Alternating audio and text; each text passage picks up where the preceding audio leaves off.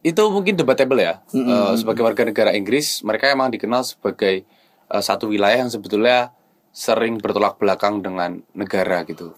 Mungkin eh, itu nggak bisa lepas dari urusan historis ya, karena pemindahan pelabuhan nasional dari Liverpool ke Manchester yang membuat orang-orang Liverpool jadi pengangguran gitu. Asu, asu. Pada zamannya Margaret Thatcher kalau nggak salah.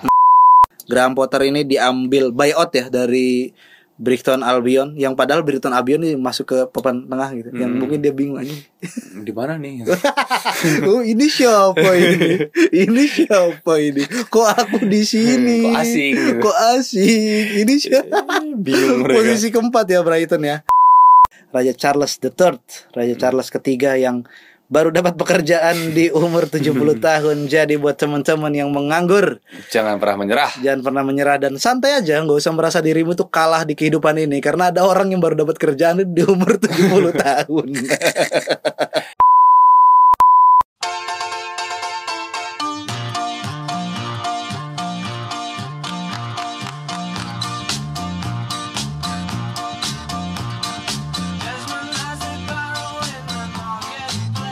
Selamat datang kembali di podcast Ora Gol karena sepak bola bukan hanya tentang gol bareng saya Ikhlas Alfarisi dan teman saya Raihan Majid. Selamat datang di episode ke-63 teman-teman semuanya yang mendengarkan. Yeay.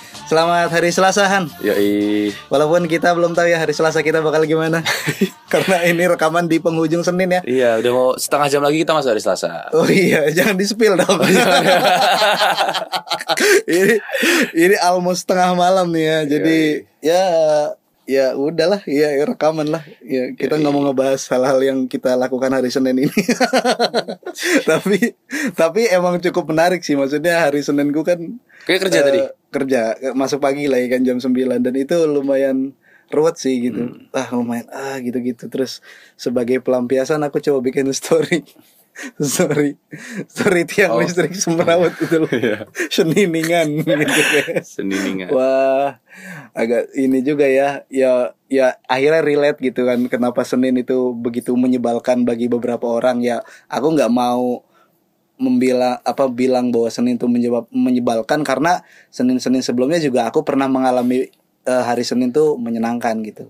Nggak tahu kalau kue yang emang setiap Senin tuh libur ya. Yoi. Beda beda. Beda ya. Ya itulah. Eh kita mulai dari mana dulu nih? Kita ngomongin update di lini masa dulu lah. Ya walaupun sosial media kita nggak update apa namanya nggak aktif-aktif amat kan. Tapi ya ya sebagai ini kan sebagai orang yang ya sukanya scroll aja suka ini tapi belum berani nimbrung karena siapalah kita gitu kan ya berani nimbrung paling nanti Ngincer top komen aja sih kalau nyembrung tuh. dipin ya Iya dipin. dipin wah prestasi tuh kalau misal nanti ada akun Oragol ngomen terus komenannya itu di pin sama pengamat sepak bola yoi. itu respect lah kita langsung nge DM adminnya siapa Mas, Makasih. Mas Reza itu Mas makasih Mas gitu. Makasih banyak. Iya. Udah di endorse. makasih udah ngangkat kami dari comberan gitu Oke, eh, mulai dari ini ya, dari ini udah masuk bulan September tanggal tanggal 12 ya, besok tanggal ya 13. di podcast ini tayang kita udah masuk ke tanggal 13 artinya sudah separuh awal kita masuk ke bulan September. Dan sepertinya lini masa sudah dipenuhi lagi eh sudah tidak dipenuhi lagi oleh eh, ketahanan konten bulan September ya. Yoi. Kalau isu tahunannya sih G30S ya tetap lah ya. Ada ada tuh kayak konten kreatornya tuh emang nungguin gitu. Nobarnya pasti juga ada sih. Walaupun militer udah nggak segitunya ya sama sama isu ini. Ya. Merubah citra kan. Iyalah respect Jenderal Andika mantap. Tapi konten-konten yang kayak Wake Me Up When September Ends itu udah nggak ada ya. Udah kadaluarsa mungkin ya. Jadi kalau masuk bulan September ini emang eh, erat dengan apa ya ignorance gitu mungkin ya. When September ends itu kan mengistilahkan September mungkin bakal berat dan bangun aja kalau udah selesai gitu ya. iya. Tapi kan semua orang sekarang sudah punya cara untuk melampiaskan kekesalan ya. Jadi mungkin ya tren itu atau ketahanan konten itu udah nggak udah nggak apa namanya udah nggak tenar lagi gitu. Ah, Tapi kalau yang yang apa namanya Twin Towers di Amerika ditabrak pesawat tuh bulan apa sih tuh? tanggal 11 ya Pak? Apa tanggal berapa sih? Iya kan bulan ini juga kan ya.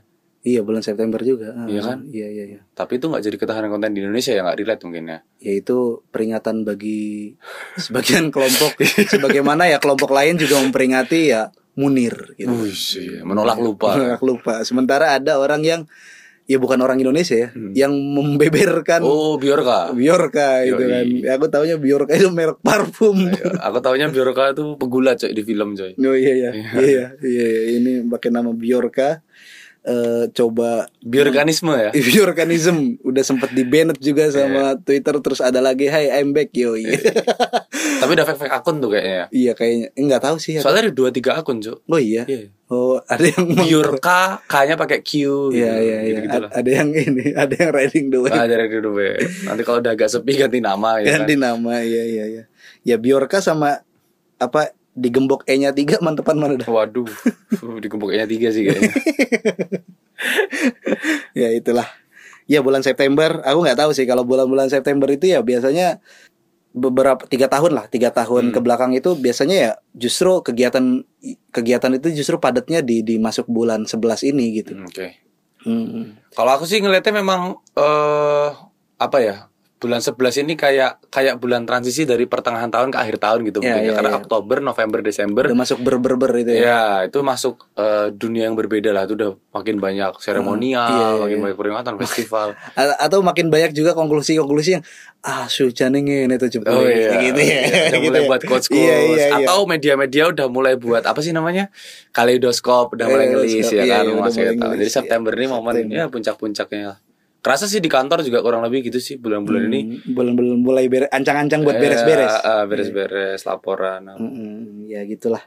Itu buat bulan September dan kita di minggu-minggu ini ya menemukan sebenarnya ini eh, update update minggu kemarin ya. Ada satu kasus gitu yang eh, ini mungkin nggak nggak jadi bahasan semua orang tapi ketika aku ngelihat kasus ini itu kayak ngerasa dekat banget gitu ada kasus kematian seorang seorang santri Oh, Oke oke. di salah satu pondok yang terbesar di Indonesia gitu kan di Gontor. Ya kabarnya itu eh, meninggal karena gara dianiaya oleh seniornya dan itu langsung merefleksi diriku gitu loh bahwa Oke, relate ya. wah anjir apa ya misimu tuh apa ya kalau kalau misalkan nanti satu saat aku punya anak dan aku memutuskan gitu kan eh, kita apa namanya rapat keluarga gitu gimana ya anak kita ki- kita kemanain pendidikannya masukin pondok nah berarti yang harus aku briefing ke anakku adalah selain di sana itu tugas menuntut ilmu di sana juga tugas untuk bertahan hidup Wush. serius bertahan hidup bukan bukan dalam artian yang mencari nafkah gitu enggak tapi bertahan hidup agar kamu tuh nggak bener-bener dihabisi dalam tanda Iya. kutip gitu loh ya Ah. ya apa namanya ya ini ini ini ini bukan ma- bermaksud mendiskreditkan pesantren. Pesantren lebih banyak bagusnya daripada jeleknya. Tapi jeleknya tetap ada dan sesuatu yang yang yang ngeri gitu kan. Mm-mm. mungkin kalau koe aku nggak tahu pengalaman koe di SMA luar ya walaupun basisnya tetap SMA yang laju gitu ya. Iya, ya iya. walaupun basisnya ya tetap keagamaan gitu gimana gitu aku nggak tahu. Cuman gitu kalau misalkan di pondok gitu ketika kamu nggak dominan dan terkesan cupu terus dapat perlakuan senioritas yang sangat ketat terus Represif bah- ya. oh, bahkan sampai dibully dan segala macam ya dibully itu 24 jam men karena kan kehidupan kita ya cuman selingkung gitu aja kan Iya. ya uh, asrama masjid dapur sekolah Kelas. ya kelas gitu kan gitu-gitu doang tuh balik 24 jam terus dan Orang itu yang sama. dan ketemu sama orang yang sama gitu terus kayak mengalami berbagai macam eh, ya ya di ya tetap apa secara mental dibangun ke sana. Dan mental yang bagus baik mental yang bagus ataupun mental yang jelek gitu. Kan mental yang jeleknya adalah ketika kamu mendapati eh, dirimu itu udah naik setingkat demi setingkat menjadi senior gitu merasa superior dan ngelihat anak-anak baru itu sebagai objek untuk kamu bebas apa-apa kan. Ya sebenarnya ini apa ya kalimat yang terlalu kayaknya memframing pondok itu nggak baik. Tapi itu terjadi gitu Oke. itu terjadi Ya, gimana Kalau aku sih memang karena aku nggak pernah apa namanya terjun di dunia institusi pondok pesantren ya. Meskipun dulu aku sempat didorong ke sana sama orang tuaku, tapi aku menolak ya. untung nggak nggak untung nggak untung Iya. anda tapi, tapi waktu itu ketakutanku untuk masuk pondok itu bukan hal yang seperti ini ya, karena mungkin nggak terekspos ya saat itu ya. Iya, iya. aku rencana tuh dimasukin pondok tuh SMP gitu. iya iya iya Ketakutanku lebih karena image tidak bebasnya tuh loh, Riz. Ah, kayak nggak boleh pegang HP, Hmm. harus bangun pagi gitu-gitu. Itu itu yang justru menjadi ketakutanku, bukan pemukulan atau pembulian gitu-gitu. Cuman ya dengan kabar si eh, almarhum Albar Mahdi ya Mm-mm. kelas 11 SMA gitu ya Mm-mm. meninggal dunia dan kalau tadi aku baca di beberapa berita itu gara-gara tidak mengembalikan peralatan camping dengan utuh gitu Iya iya iya. kalau dia mendapat perlakuan yang ke- kekerasan itu aku pikir apa ya kacau dan titik kekacauannya kan sebetulnya ketika ini coba ditutupi sama pesan dari pesantren tersebut kan Mm-mm. Eh, isu ini coba di, di dibungkam gitu loh dibungkam dan eh, ada ada kata, katanya kontrak yang mengharuskan kalau terjadi apa-apa jangan dibawa ke ranah hukum gitu gitu maksudnya Mm. itu itu justru eh titik ini sih eh, kekerasan di titik ini harusnya jadi refleksi buat seluruh pondok pesantren di Indonesia buat memperbaiki iya maksudku untuk memperbaiki citra gitu loh kan Iya iya. beberapa eh, di tahun ini kita udah beberapa kali dapat berita soal seorang ustadz yang melecehkan santri atau santriwatinya gitu Iya, kan anak kiai, anak kiai. Ya, anak kiai bahkan jadi image pesantren itu semakin ke sini tuh semakin memburuk gitu Iya dan iya iya. eh, aku aku juga sepakat sama aku Eris pesantren menghasilkan banyak lulusan yang baik Iya iya. menghasilkan banyak eh, output-output yang nggak kalah baik juga tapi ya hal-hal yang buruk seperti ini harusnya jadi pembelajaran kalau dalam satu tahun aja udah berapa banyak tragedi di pesantren yang justru Hmm. Berdampak buruk terhadap image Iya, pesantren tersebut gitu loh ya tradisi senioritas yang eh, cenderung ke mengarah ke kekerasan sih. Ya walaupun aku mengakui zaman zaman pondok dulu jadi senior jadi pelaku juga gitu. Hmm. Pas eh, pas junior dibully gitu kan bahkan ya dihakimi gitu kan pernah dihakimi gitu terus berusaha membela diri tapi cuy dah ternyata mm, bukan caranya membela diri gitu nggak kita bukan gitu caranya ya? Bukan gitu caranya. Membela diri pakai argumen tuh kau pada tambah ditampol tapi tapi pertanyaan gini Riz. Eh, sebetulnya kalau ini hal ini sering terjadi ya senioritas ini. Sebetulnya ada upaya pelanggengan nggak sih di dalam institusi pesantren tuh? Nggak Sama. ada sih. Nggak ada yang mau. Sebenarnya secara verbal gitu Ah, ah. secara niat mungkin gitu. Itunya aku sih ya. yakin aku sih yakin nggak ada yang sepakat sama itu gitu nggak ada yang sepakat sama itu. Karena ya pendidikan yang baik kan ya harus dilakukan dengan metode-metode yang baik juga gitu. Mengarahkan eh, seorang murid seorang pelajar untuk memahami berbagai macam ilmu kan ya harus diarahkan dengan metode yang baik persuasif dan lain sebagainya gitu.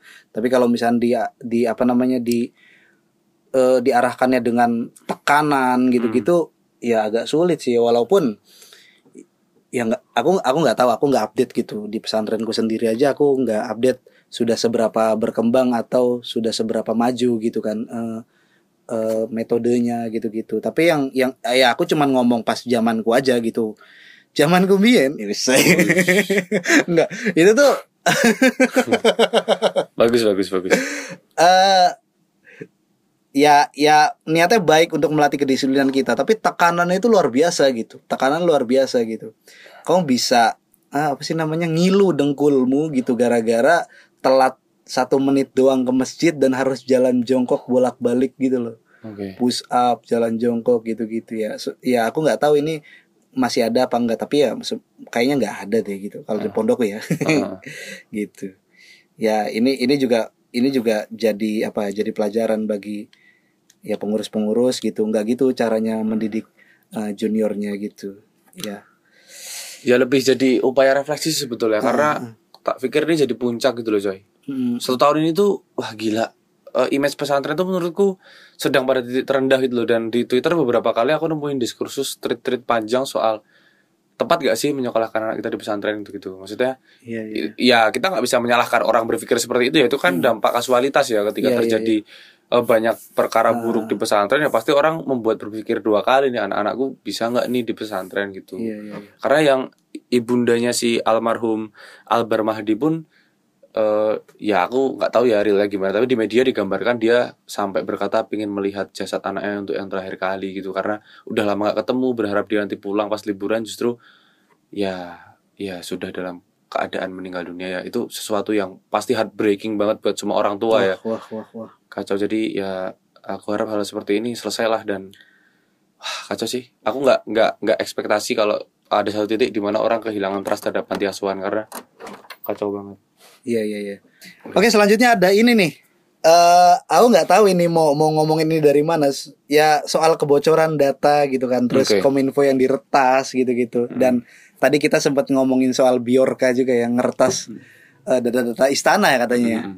Dan aku nggak tahu. Aku sepakat sama ya salah satu podcast yang sering aku dengarkan juga bahwa bocornya data diri itu ya bagi orang-orang menengah ke bawah itu kayaknya ya udahlah ya gitu ya. Hmm, hmm.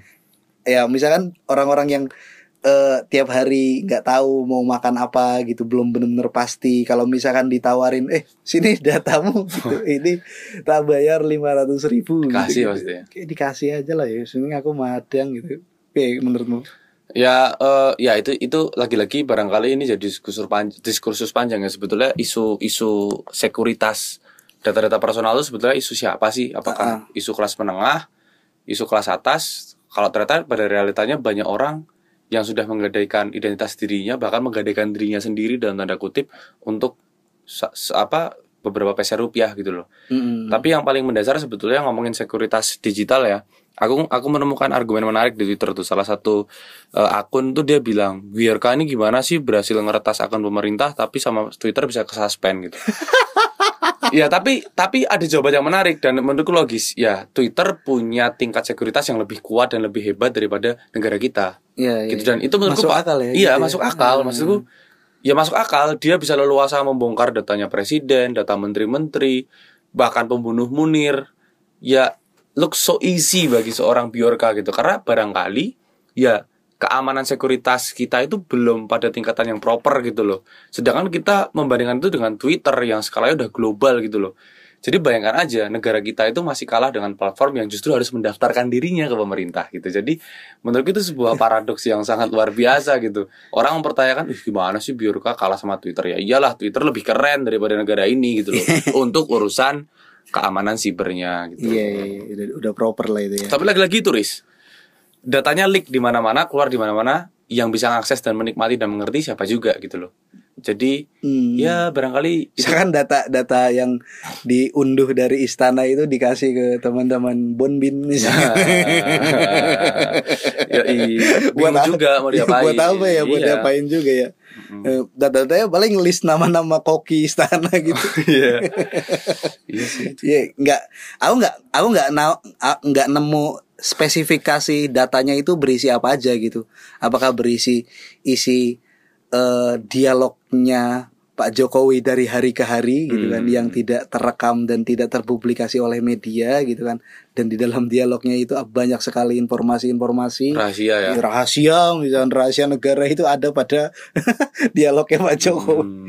ya aku nggak tahu gitu cuman ya tadi pertanyaannya ini, ini data udah diretas terus buat apa dan kayaknya metode perjuangan untuk merubah masyarakat Iya, udah pada pola yang Nah, berbeda itu ya. nggak nggak nggak gitu deh gitu Ah. nggak nggak main retas-retas gitu Dan satu lagi, Riz, kalau nanti gue buka Twitter, coba buka Twitter TNI AD deh. ya ya Kayaknya udah 13 hari kalau nggak salah aku lihat di Twitter dihack gitu jadi kayak Oh, dihack juga? iya dihack jadi kayak akun penguin apa gitu jadi kayak akun platform game gitu Hmm. Nah, itu maksudku wah ya di Twitter di Twitter yang sekuritasnya se- setinggi itu pun akun bisa diretas loh sekelas Twitter ya Mm-mm. Nah, sedangkan kita nggak pernah punya eh, imajinasi yang jelas mengenai sebetulnya seberapa kuat sekuritas eh, siber di negara kita gitu loh kok.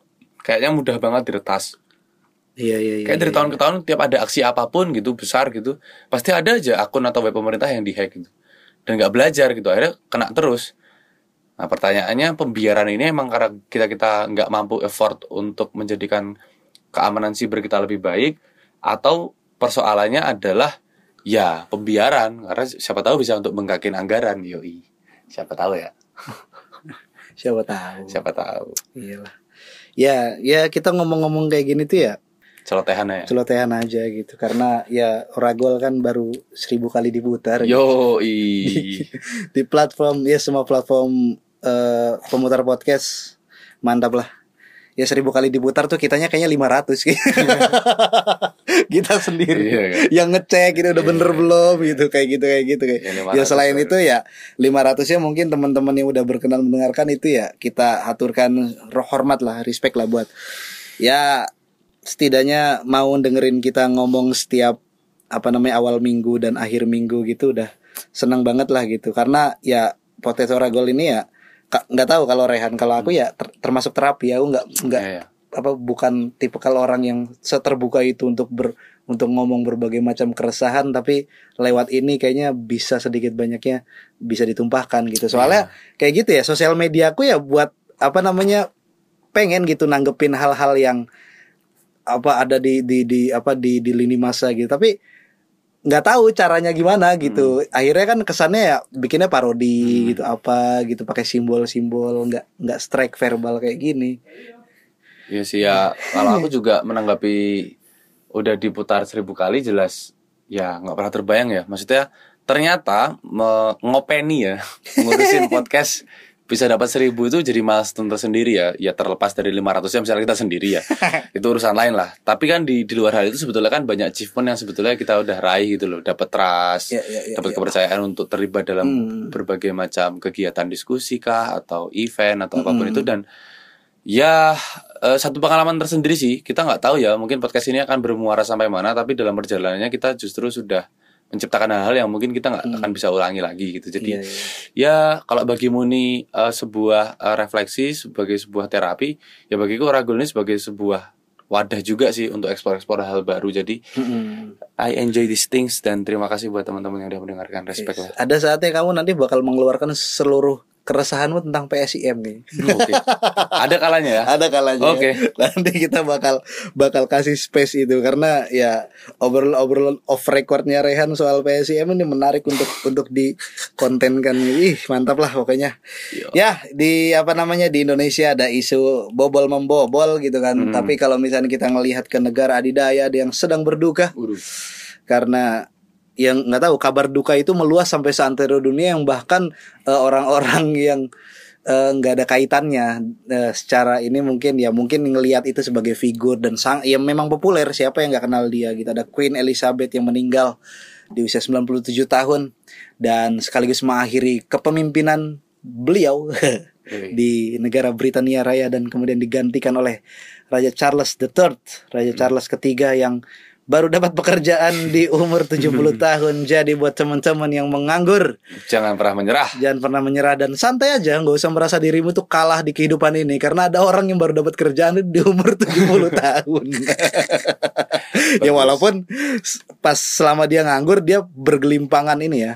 Privilege. privilege yang tapi kan dia nganggur juga gitu ya. pada dasarnya nganggur Iya pada dasarnya nganggur jadi ya iya sih maksudnya ngelihat eh, fenomena bukan fenomena ya maksudnya ya kabar dari tanah Inggris meninggalnya Queen Elizabeth II menimbulkan banyak reaksi di sosial media ya.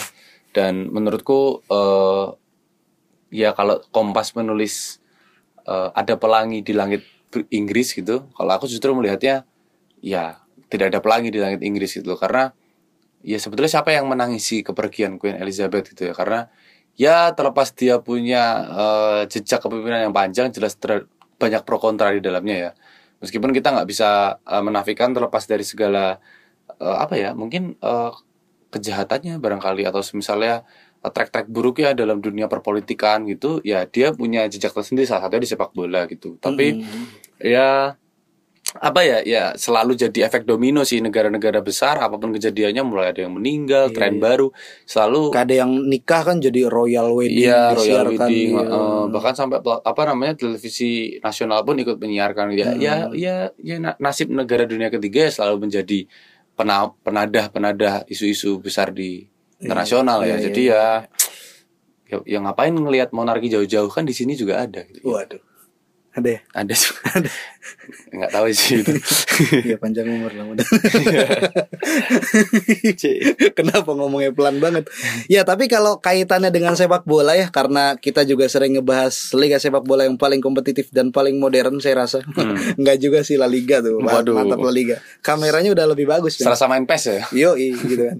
Ya pekan ketujuh Liga Inggris ini resmi ditunda. Hal ini sebagai bentuk penghormatan kepada Ratu Elizabeth II yang oleh otoritas Inggris dianggap telah memberikan sumbang sih luar biasa untuk Britania Raya. Berapa? 70 tahun berapa?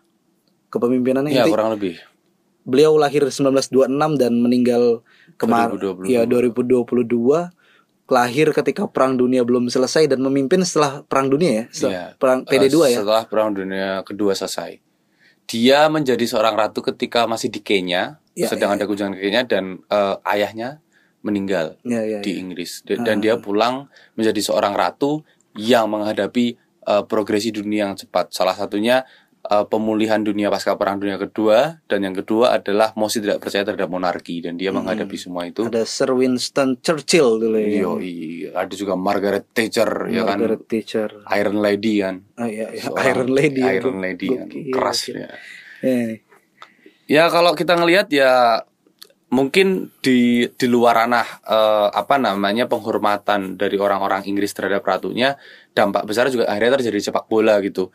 Yang yang paling apa namanya yang paling terasa adalah pekan ketujuh ini ditunda gitu. Dan eh, dari beberapa laporan dari Sky Sport dan beberapa media di Inggris melaporkan bahkan belum ada kejelasan apakah di pekan ke-8 Liga Inggris akan tetap digelar atau tidak gitu. Karena di beberapa sumber disebutkan bahwasanya Liga Inggris itu akhirnya menjadi prioritas nomor kesekian karena sekarang sekuritas negara itu di, difokuskan terhadap untuk apa namanya prosesi dari meninggalnya Ratu Elizabeth sampai pemakaman gitu. Dan itu kan waktunya panjang kan. Dia meninggal mungkin dia di mungkin dia diawetkan dulu mungkin ya nggak tahu ya. Karena ada Betul. kunjungan warga ada Iya, kunjungan kerabat ada kunjungan internasional untuk melihat jasadnya. Mm-mm. baru nanti kemudian ada seremonial apa baru di Iya, eh, kebumikan iya, gitu jadi tradisi monarkinya lebih kompleks kayaknya. Iya lebih kompleks dan itu jangka waktunya panjang dan menuntut sekuritas negara yang berlebih gitu. Iya, Jadi akhirnya eh, mungkin fokus eh, keamanan negara sedang difokuskan untuk istana Hmm. gitu ya. Jadi akhirnya sepak bola di nomor dua kan. Berarti Britania Raya visioner sekali ya. Brexit dari awal loh. Iya kan? Biar nggak ruwet. Jadi Brexit, hey, jangan masuk-masuk. Yoi. Iya, iya. Yoi. Iya, iya, iya, iya, iya. Ya tapi eh, mungkin isu yang menarik kita lihat sebetulnya eh, mungkin belum ada pelatih yang bersuara ya karena mungkin menghormati ya. Tapi Mm-mm. Eh, sudah banyak eh, media yang melaporkan ini mungkin bisa berdampak terhadap bagaimana manajemen eh, penjadwalan sebuah tim gitu ya karena eh, di tengah jadwal yang padat apalagi ketika tim yang kita dukung eh, mengikuti kompetisi Eropa juga Ya, jelas ya, ini ya. bukan hal yang mudah Betul, betul. satu pekan diri di apa namanya dijadwalkan ulang di reschedule itu je- jelas tidak mudah gitu karena ya kita ngomongin rotasi pemain kemungkinan cedera terus kemudian di akhir tahun ada Piala Dunia itu jelas bukan hal yang mudah gitu Ah, loh ah, ah, dan ya kita lihat lah kalau sampai pekan ke-8 juga ditunda wah itu mungkin akan jadi PR besar buat FA sih karena Iya, iya, iya, iya. ya dia harus mengatur ulang kapan eh, laga-laga tunda ini dilaksanakan gitu karena ya Hmm. kalau kita mau nunggu sampai akhir tahun itu ada jeda internasional dan akan sangat menyulitkan otoritas sepak bola Inggris untuk mengatur waktu gitu dan lebih jauh klub-klub juga akan kesulitan untuk memplotting siapa nih yang harus main nggak tahu besok cedera atau enggak apalagi itu misalnya laga-laga penting ya akan sangat menyulitkan ya tapi ya mudah-mudahan nggak berdampak apa-apa ya buat klub karena ya sebagai pendukung Manchester United saya harap ya ya mau ditunda berapa kali pun harapannya tetap mm, MU bisa menampilkan yang terbaik gitu Iya, sih iya, iya. Ketika ada orang timur jauh yang Hmm. coba bersimpati atau bukan bersimpati ya, ikut berduka waduh terhadap kematian eh, seorang ratu sejagat ini gitu kan. Ternyata di utara sana juga ya di di ya di di masih di Hmm. kawasan sana ada orang-orang yang tetap punya sikap yang yang utuh gitu Hmm. kayak nggak nggak nggak usah lah kita berduka tentang ini gitu ya Mm-mm. Eh, kayak fans Liverpool yang dikatakan tidak berduka atas meninggalnya sang ratu bener gak sih Iya. Ya itu mungkin debatable ya. Mm-mm. Eh, sebagai warga negara Inggris, mereka emang dikenal sebagai eh, satu wilayah yang sebetulnya sering bertolak belakang dengan negara gitu. Mungkin eh, itu nggak bisa lepas dari urusan historis ya, karena pemindahan pelabuhan nasional dari Liverpool ke Manchester yang membuat orang-orang Liverpool jadi pengangguran gitu. asu asu Pada zamannya Margaret Thatcher kalau nggak salah dan itu membuat mereka merasa negara menganaktirikan orang-orang Liverpool gitu yang sebagai daerah yang mengawali era ke- kepelabuhan di Inggris barangkali Hmm, seperti itu. iya, Tapi iya. Lebih jauh ini masih masih opini ya maksudnya apakah sebegitunya orang-orang Liverpool kontra dengan Inggris ya? Seperti kamu pernah bilang juga Riz Alexander Arnold beberapa kali terekam kamera tidak menyanyikan lagu God Save the Queen karena dia adalah die hard Liverpool fans yang Iya, iya, iya. mungkin mengakar sampai kultur ya. Dia benci Iya, iya. terhadap perilaku negara terhadap daerahnya gitu. ya tapi Iya, apa pun iya, itu akhirnya eh, Instagram resmi Liverpool juga mengganti profil picture-nya dengan warna hitam putih juga. atau, atau apa namanya apakah TAA sekarang ini sedang menyanyikan lagu God Save the Queen tapi yang nyanyi Sex Pistol Oh iya. Sex Iya Pistol ya iya iya Sex Pistol. Ya bisa jadi. God, God Save the Queen juga ya. Ya selain ada Liverpool gitu kan, kalau misalnya kita lihat ternyata ada fans Celtic, le, apa Glasgow Celtic juga yang hmm. eh ya kalau misalnya kita li- dilihat sosial medianya, seluruh klub yang ada di Britania Raya itu ya padam semua kan, Eh, semuanya jadi monokrom tanda eh, Bergabung. eh, berkabung gitu kan, tapi tidak untuk Celtic gitu kan. Nah karena eh, Celtic ini ya punya sejarah juga punya sejarah gitu kan warna hijau yang ada pada jersinya dan juga di logonya itu yang mempresentasikan bahwa uh, Celtic ini didirikan oleh orang Irlandia yang secara sikap politik itu sangat bertolak belakang dengan monarki Britania Raya gitu kan. Walaupun ya Celtic ini berdomisili di Skotlandia. Nah, Celtic ini terma orang-orangnya, fansnya dan juga para pendirinya itu yang mempresentasikan uh, semangat Katolik yang sosialisme eh, ya dan memang telah lama membenci baik monarki Inggris dan tak lupa ajaran Protestan konservatif seperti itu. Nah, haruskah kita kaget? Banyak orang Indo yang sedih Ratu Inggris mati, lupa apa pernah dijajah sama eh, Thomas Raffles yang yang kayaknya ya ya walaupun dia ngejajah tapi bingung juga Thomas Raffles. Iya, kita pernah itu, iya. ngobrol, kita pernah ngobrol di satu Iya, waktu iya, kan. iya. Aduh kayaknya Thomas Raffles ini gagal Iya, paham mumet nih, ya. mumet nih. Akhirnya dia bikin satu kastil di Bogor itu kan. Yoi. Menemukan bunga bangkai. Yoi. ya ini ini menarik ya di di samping Inggris di Skotlandia ada sebuah klub yang justru eh, nggak selang beberapa hari setelah kematian sang ratu diumumkan dia langsung membuat eh, sekelompok supporter mereka nggak tahu dari laskar apa gitu kan nggak tahu dari dari komunitas yang mana Iya iya iya. Aku juga kurang dapat informasi jelasnya karena mungkin si Bang Siur menuliskan di sebuah tembok mural bertuliskan fuck the queen gitu. Ya, itu menandakan kebencian mereka terhadap uh, Ratu Inggris yang sebetulnya mungkin juga diutarakan terhadap rival mereka Glasgow Rangers Iya, yang, iya, yang iya. dikenal uh, cukup memberikan simpati dan fanatisme terhadap uh, kemonarkian Inggris kayak gitu. Sedangkan secara historis orang Skotlandia punya lagu sendiri katanya dan dia juga sejak lama sebetulnya tidak ingin menjadi negara persemakmuran Inggris terlepas dari Britania Raya. Tapi ya apa pun ceritanya di jauh di Eropa sana sepak bola sangat tidak bisa dilepaskan dari sisi-sisi politis ya. Jadi hal seperti ini bukan hal yang tabu di sana gitu. Jadi ya ini bagian dari sepak bola yang nggak bisa dilepaskan di Eropa. Jadi ya that's Celtic gitu. Jadi ya Celtic being Celtic lah. Oke kita lanjut aja ya. Ya ini nggak tahu berkabung kata sampai sampai 10 hari. Berarti 10 kita hari. harus menunggu selama itu ya untuk Iya. untuk kembali melihat ya pertandingan keduanya Mark Anthony di Liga Inggris. Bahkan next matchnya United itu setelah Ah, kemarin Liga Eropa itu next matchnya langsung Liga Eropa lagi. Liga Eropa langsung lagi. ya. bertandang ke Moldova ke, ke kandangnya Sheriff Tiraspol. Hmm. Ya udah kita beralih aja ke karena ini tayang Selasa nanti malamnya itu akan ada pertandingan match day kedua dari Liga Champion Mm-mm. Eropa yang mempertemukan ya tim-tim teras Eropa ini. Ada Victoria Pleasant versus Inter, Sporting Lisbon versus Tottenham, Liverpool yang habis kalah harus dipertemukan oleh Ajax Amsterdam. Dan kita aku justru ini apa penasaran sama Ajax nih. Pasca Ten Hag, pasca Anthony, pasca ya pentolan-pentolannya regen-regennya ini bakal bakal punya taji apa enggak? Walaupun ini disebutnya masa transisi ya gitu kan. Gitu. Terus ada pertandingan yang lumayan buat ditonton. Yes, apalagi buat saya gitu kan. Yoi. ada Bayern Munchen bertemu dengan Barcelona di ya mereka segrup lagi ya di musim ini setelah benternya Thomas Muller yang wow what a good day man Mr. Lewandowski gitu kan. Sampai jumpa di Munich gitu kan dan mm, eh, malam ini akan kesampaian gitu kan Lewandowski untuk pertama kalinya datang ke Allianz Arena dengan tidak berseragam Bavarian Mm-mm. tapi berseragam nomor 9 Barcelona gitu kan. Kalau melihat track recordnya eh, Barcelona sih ya tidak ada masalah gitu di kompetisi domestik gitu kan menang terus gitu kan dan Lewandowski pun eh, menjadi Top skor ya. eh, top skor 6 pertandingan 9 gol itu kan jadi 9 gol. iya. Wah itu gokil sekali ya. Gokil, gokil. Ini, ini salah kayaknya aku nih 6, pertandingan tapi 6 gol gak sih? 6 pertandingan 6 gol Iya betul. Eh, da- dan belum 6 pertandingan juga. Eh, baru 5 pertandingan, sorry. Ya itu itu menarik ya. Tapi aku menggarisbawahi curiosity-mu terhadap eh, pertandingan Liverpool lawan Ajax Amsterdam ya. Mm-mm. Ajax Amsterdam sampai hari ini sudah ketinggalan eh, sudah terting- ditinggal oleh Mazraoui, Oke. terus kemudian ditinggal oleh Erik ten Hag, Heeh, Thomas Gravel apa Gravenberch. eh, eh, eh, Gravenberch, terus kemudian ditinggal oleh eh, Anthony eh, Santos. Mm-mm. Ya banyak kehilangan pilar-pilar pentingnya lah dan di bawah asuhan Alfred Schreuder mereka masih bisa merajai Eredivisie. Mm-mm. Itu sebuah hal yang luar biasa ya maksudnya.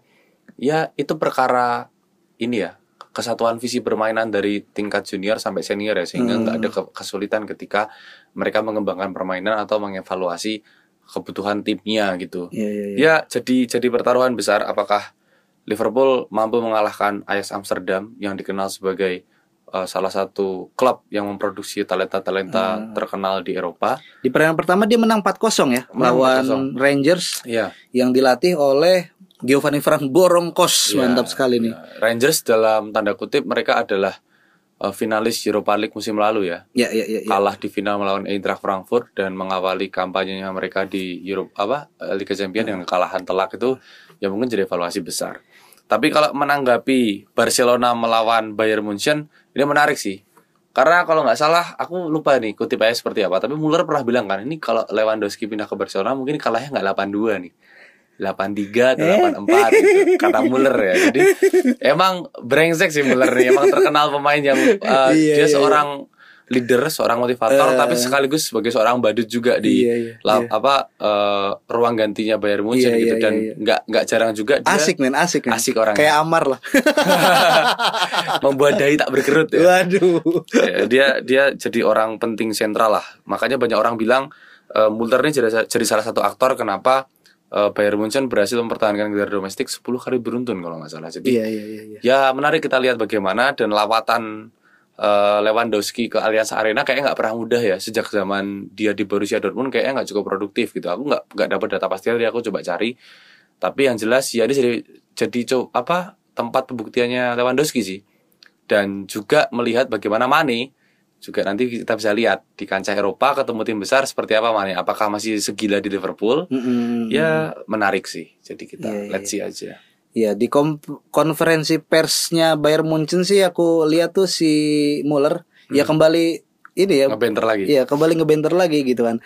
Pas latihan tuh katanya aku terus-terusan dibecandain sama Sadio Mane kata Eh Muller nanti pas pertandingan kamu jangan sampai salah oper ya ke Lewandowski. Gitu. Iya, serius? Iya gitu. Opernya ke saya gitu. Sekarang saya temennya gitu. Maksudnya di Munchen sekarang tuh ada dua orang gitu kan Yang dulu yang di musim sebelumnya itu pernah eh, mempermalukan Barcelona di tim yang berbeda gitu. Ada ada ada Sadio Mane gitu kan. Iya. dan juga ada Thomas Muller gitu kan. Hmm.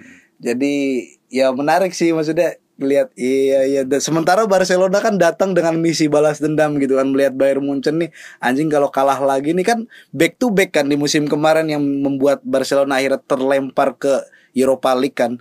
Yang eh, pertandingan pertama 4-0 kalau nggak salah yang pertandingan kedua 3-0 dan itu belum pernah nyetak gol lagi gitu semenjak gol dua gol yang dicetak pas skor 8-2 itu Iya, gitu. iya, Wah, Ya, ya sih. Itu itu itu menarik. Apalagi, tapi yang menarik juga sebetulnya ini, Riz, terlepas dari kondisi Barcelona yang sebetulnya mungkin nggak unstable ya beberapa tahun terakhir. mm-mm. Tapi kayaknya eh, setiap tim yang melawan Barcelona merasa itu pertandingan penting yang perlu dimenangkan dan jadi ajang pembuktian gitu loh. Mm-mm. Ya itu nggak bisa dilepaskan dari dominasi Barcelona selama beberapa tahun eh, 2000-an ya di kompetisi sepak bola Eropa. Jadi ya Barcelona mengusung misi balas dendam dan eh, Bayern Munchen mengusung misi pengukuhan sih sebetulnya. Siapa yang sebetulnya lebih pantas disebut sebagai Ya kar- Eropa. karena karena di apa namanya di Bundesliga Bayern Munchen juga belum benar signifikan ya. Sementara Iya, ini yang mimpin klasemen Bayern Munchen adalah Union Berlin. memimpin Bundesliga. Ya, memimpin oh iya sorry, memimpin Bundesliga adalah Be- Union Berlin dan ini bak, apa jadi momen pertamanya Union Berlin ya. Eh, semenjak apa promosi gitu kan Iya, ke Bundesliga gitu dia baru pertama ini eh, wa- ya walaupun nanti analoginya kayak gajah yang di atas pohon kayaknya.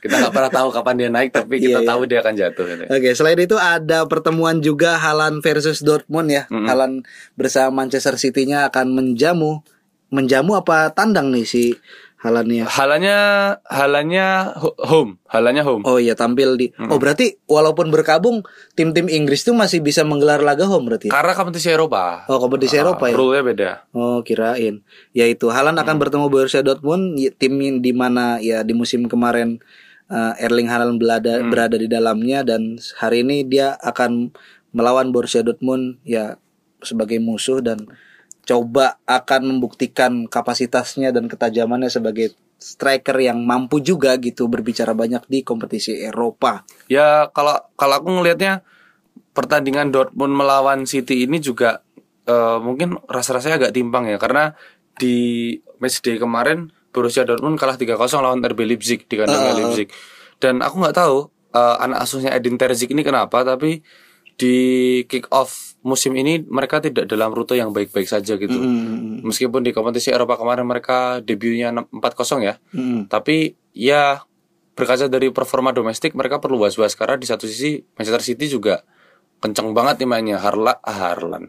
Harlan udah berapa kali hat trick kan? Tiga kali total di semua kompetisi dan nggak bisa diremehkan. Ini membuktikan omonganmu kemarin bener. Halan barangkali di Dortmund jadi tumpuan. Performnya tim adalah performnya Halan. Mungkin Iya, iya, iya. eh, peribahasanya seperti itu. Tapi di City berbeda. Setiap setiap orang tuh berkontribusi penuh terhadap kemenangan yang diraih dan eh, mungkin perkara kolektivitas sih. Dortmund belum menemukan perkara kolektivitas. Padahal mereka sudah mendatangkan Slotterbeck dari Freiburg kalau nggak salah, terus mendatangkan Niklas Sule Iya, iya, dari Bayern Munchen. Terus kemudian eh, Marco Reus masih bertahan, ada beberapa pemain lain seperti Karim Adeyemi dari Salzburg. Tapi pemain-pemain baru dengan pemain-pemain yang sudah ada di squad kayaknya belum benar-benar blended sehingga berimplikasi terhadap banyak pertandingan yang justru kalahnya ngenes 3-0. Sementara ekspektasi mereka untuk punya bomber baru dan target man baru itu ya harus pupus ya karena Sebastian Haller ketika direkrut ke Dortmund tapi dia sakit ya. Iya, ada harus menempuh satu, satu musim ya. Iya, kurang lebih. Ya itulah pokoknya. Banget sih. Nah, ya momen-momen reunian akan kembali tersaji di Liga Champion dan sem- ya selain Ajax tadi aku justru tertarik sama Napoli juga nih. Dan pertanyaannya adalah kok bisa gitu di klub Itali yang mana ya dia berlaga di Serie A dan juga berlaga di kompetisi Eropa, backnya adalah back dari Korea Selatan. Napoli. iya. Siapa sih? Iya, ini siapa sih? apa namanya? Kim siapa namanya tuh? Kim Jong Un. Bukan coy, ini nih. Dan dia main gitu apa maksudnya jadi jadi jadi Kim Min Jae. Waduh. Kim Min Jae. Dia main 90 menit pas lawan Liverpool itu. Oh yang pas menang 4-1 kemarin. Oh iya iya iya. Itu kan luar biasa Iya, ya. iya, iya. Di di apa namanya di Italia yang terkenal dengan eh, pem- pemasok back-back handal, back-back tangguh justru gitu kan. Tim selevel Napoli gitu kan ditumpu oleh Seorang Korea Selatan. ya. Korea Selatan. Kim Min Jae, back tengah berusia 25 tahun di timnas Korea Selatan. Ya itu menarik sih. Kalau aku nggak begitu heran. Napoli itu selalu punya cult cult hero gitu kayak Dries Mertens, Marek Hamsik, Kalido Kolibali. Sekarang ada Kim Min Kim Jae. Ya, iya. dia selalu mampu punya cult cult hero yang jadi pujaan fans gitu. Mm-mm. Tapi tadi menarik sih kalau kita ngomongin pola transfer. Tadi kita bicarain soal Dortmund yang pola transfernya cukup gembar-gembor tapi eh, sejauh ini belum cukup signifikan dan mungkin agak melenceng tapi masih di konteks Eropa ada Galatasaray yang diam-diam mendatangkan Mauro Icardi, Iya, iya, iya. Juan Mata. Iya iya iya iya. Wih, ini Iya, gila iya, sih. Iya iya. Apakah tim-tim Turki akan coba pengen Iya, siapa tahu uh, ya. bicara banyak iya, juga di gitu kan usia- karena ya pu- cukup punya catatan menarik juga ya tim-tim Turki ini. Terakhir kali aku ngelihat Galatasaray signifikan tuh ketika masih ada Didier Drogba, Wesley Sneijder itu sih terakhir. Iya iya. Fenerbahce meskipun Roberto Carlos tuh. Iya, ada ada Robin van Persie, ada Dirk Kuyt, tapi ya gitu-gitu aja sih. Heeh. Ya itu pindah dari UCL ke UEL karena ya ada yang perlu dibahas di sini sebenarnya kalau Oragol ini gak ada fans MU gak bakal dibahas sih kayaknya. ya setelah mengalami kekalahan pertamanya melawan apa sih kemarin tuh Dinamo Jebret ya. Enggak, kalah pertama lawan Real Sociedad. Oh oke ya sorry yang lawan Dinamo Zagreb tuh Chelsea. Chelsea ya ya ya ya. Hmm. Ya MU akan terbang ke Moldova untuk menghadapi tim yang di musim sebelumnya tuh ya jadi lawannya juga di UCL gitu kan. Sheriff Tiraspol. Mm-mm. Eh, Ronaldo kemungkinan akan jadi starting kembali. Kira-kira kita perlu berdebat nggak sih kalau Ronaldo itu akhirnya harus main di Europa League yang pada debutnya itu justru harus kalah. gitu. Harus kalah. Ya Ya bukan hal yang menyenangkan ya melihat Cristiano Ronaldo. Kita aku aku barangkali mungkin akan menjadi saksi menyaksikan kejatuhan era gitu ya, sebuah era gitu. Karena aku ngelihat Ronaldo benar-benar udah out of perform banget sih. Baik secara mikro ataupun makro, secara teknis maupun penguasaan lapangan, tak pikir dia udah dalam masa yang kritis gitu. Makanya nggak mengherankan kemarin dia pingin nyari tim-tim yang berlaga di UCL tapi kesulitan. Apakah ini ada keterkaitan atau enggak? Ah, mungkin ada. Nah, setelah kemarin kalah sama Real Sociedad, meskipun golnya narrow banget ya, penalti yang beberapa orang bilang itu harusnya nggak penalti karena sebelum kena tangan dia eh, meng- mengenai paha dulu dan tangannya posisinya nggak aktif gitu ya. Tapi apa pun itu ceritanya akhirnya kalah. dan kalah mah kalah aja.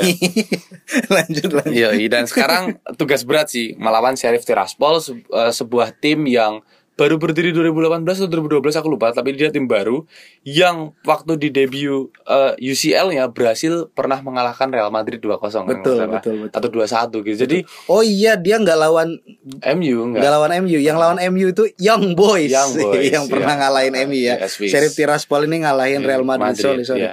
sorry fans kardus memang gini susah lah. Ya, jadi itu menarik melihat apakah eh, Manchester United mampu mengalahkan Sheriff Tiraspol dan menarik juga apakah Sheriff Tiraspol masih dalam perform terbaiknya atau enggak di kompetisi Eropa. Jadi ya lihat sih, tapi harapannya kalau memang Ronaldo jadi starting eh, aku nggak nggak nggak begitu memperdebatkan sih apakah dia main di UEL itu pantas atau enggak karena sekelas Ronaldo Nazario aja mainnya di UEL. Satu-satunya trofi Eropa yang diraih Maradona UEL.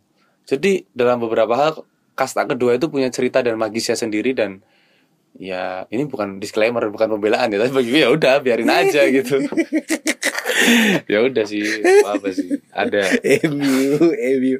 Ya, oke, apa namanya transisi itu emang harus gitu ya. Seta, apa sel, se, sa- apa no, kalau kayak, kayak kita naik tangga gitu. Iya, iya, kayak iya. kita naik tangga, nggak bisa langsung naik empat tangga gitu ya.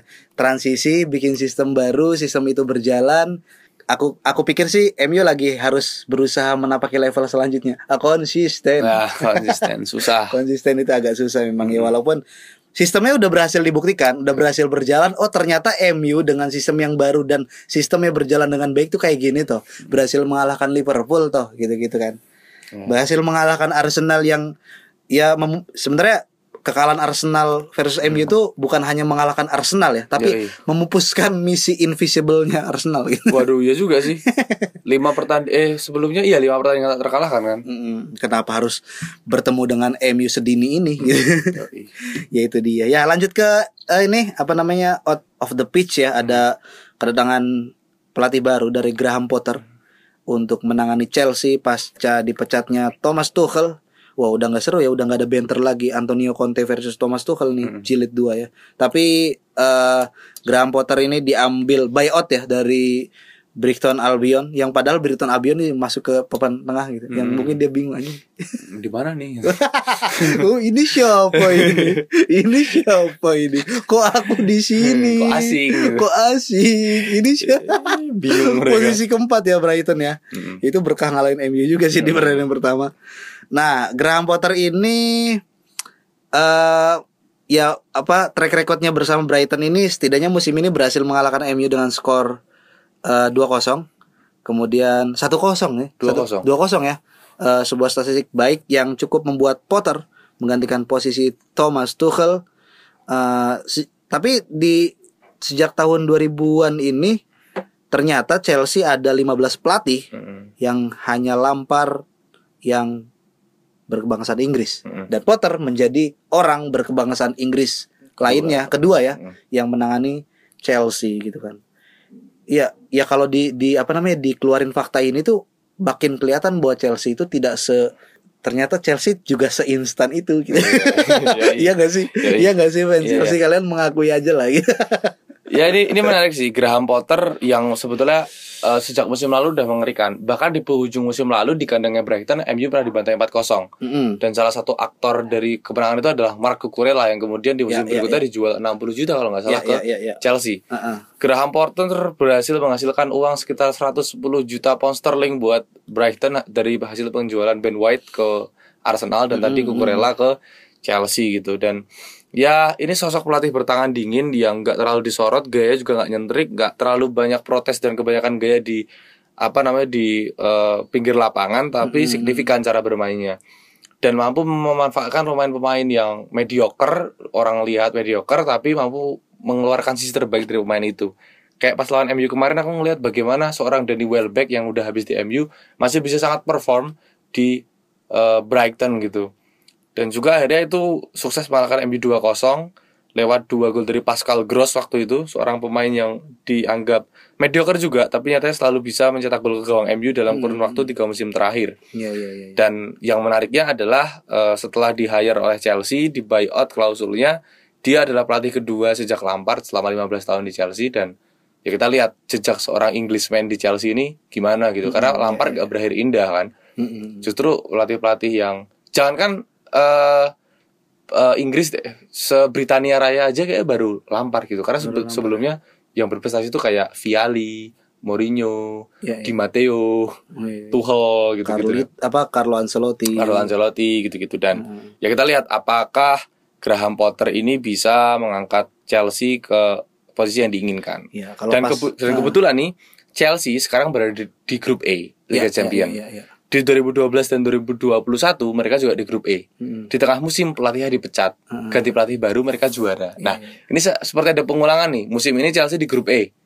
Kemudian di tengah musim pelatihnya dipecat Tuchel, masuk pelatih baru. Apakah Graham Potter jadi pelatih Inggris yang mampu membawa tim Inggris Ada juara? pola kayak gitu ya. Nah, ada pola-pola yang kayak perlu gitu kita ya. uji coba Ada kan, pola ya kayak kan? gitu ya. Ya walaupun nanti Graham Potter akan eh, menerima tantangan bahwa ketika di eh, Brighton ya dia mungkin memotivasi pemainnya ketika bertemu dengan klub semacam MU yang yang yang keren gitu kan pemain-pemainnya levelnya di atas dia. Ya kita main tanpa beban. Kalah nggak apa-apa gitu. Menang luar biasa gitu. apakah di Chelsea begitu? Iya. kalah nggak apa-apa. Kalah nggak apa-apa gue dipecat juga. Cuy. oke gitu aja ya. Episode ke 63 ini. Terima kasih